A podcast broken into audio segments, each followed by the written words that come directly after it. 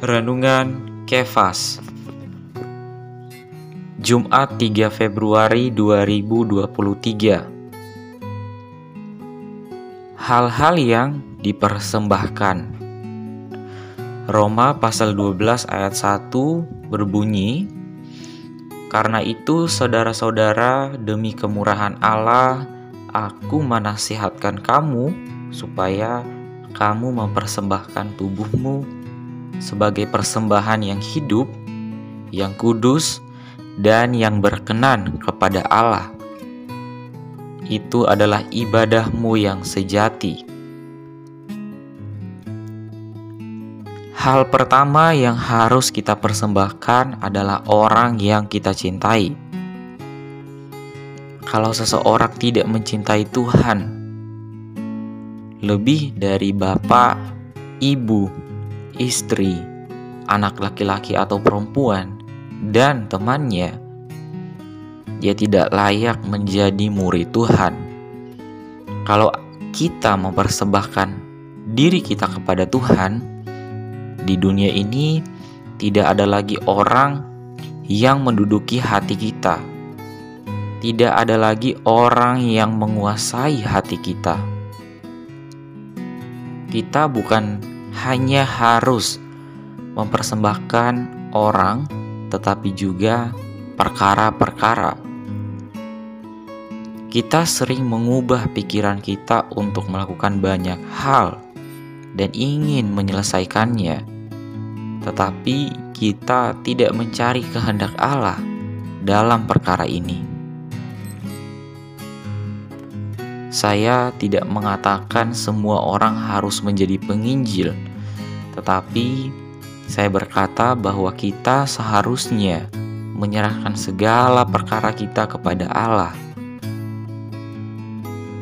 Bukan hanya orang dan perkara yang perlu dipersembahkan, masih ada banyak benda yang perlu dipersembahkan kepada Tuhan ada orang yang mungkin perlu mempersembahkan perhiasannya, ada orang yang mungkin perlu mempersembahkan rumahnya, ada orang mungkin perlu mempersembahkan pakaiannya, ada orang mungkin perlu mempersembahkan sesuatu barang miliknya.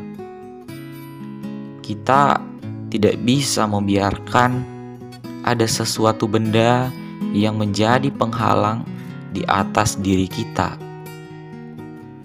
Banyak saudara-saudari muda, ketika mereka belum mempunyai banyak uang, masih ada persembahan. Ketika mereka mempunyai banyak uang, yang dipersembahkan malah lebih sedikit daripada saat uang mereka masih sedikit.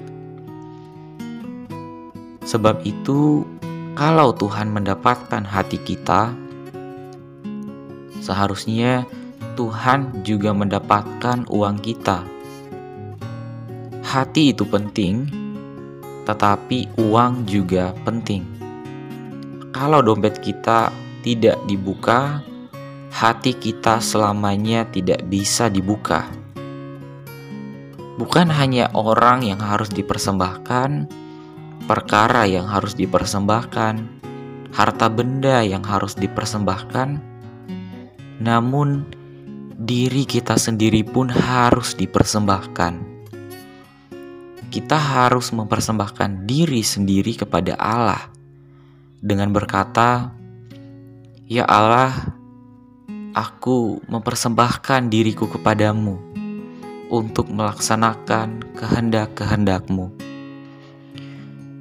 Saudara-saudari, kita tidak tahu hari depan kita akan mengalami apa, tetapi ada satu hal yang kita tahu: Allah mempunyai kehendak tertentu atas setiap orang, belum tentu bahagia atau menderita.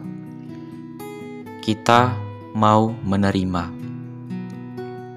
Banyak orang yang dipakai oleh Allah dipenuhi oleh Roh Kudus, selalu menempuh kehidupan yang menang karena mereka mempersembahkan diri kepada Allah. hari ini kita boleh diterangi mengenai butir-butir persembahan diri kita. Yang pertama, perlu mempersembahkan orang yang kita cintai. Itu semua tertulis di dalam Mazmur pasal 73 ayat 25. Yang kedua, mempersembahkan segala perkara. Bisa kita lihat di dalam Filipi pasal 3 ayatnya yang ke-8. Kita juga mempersembahkan harta benda kita. Di dalam Filipi pasal 4 ayatnya yang ke-18.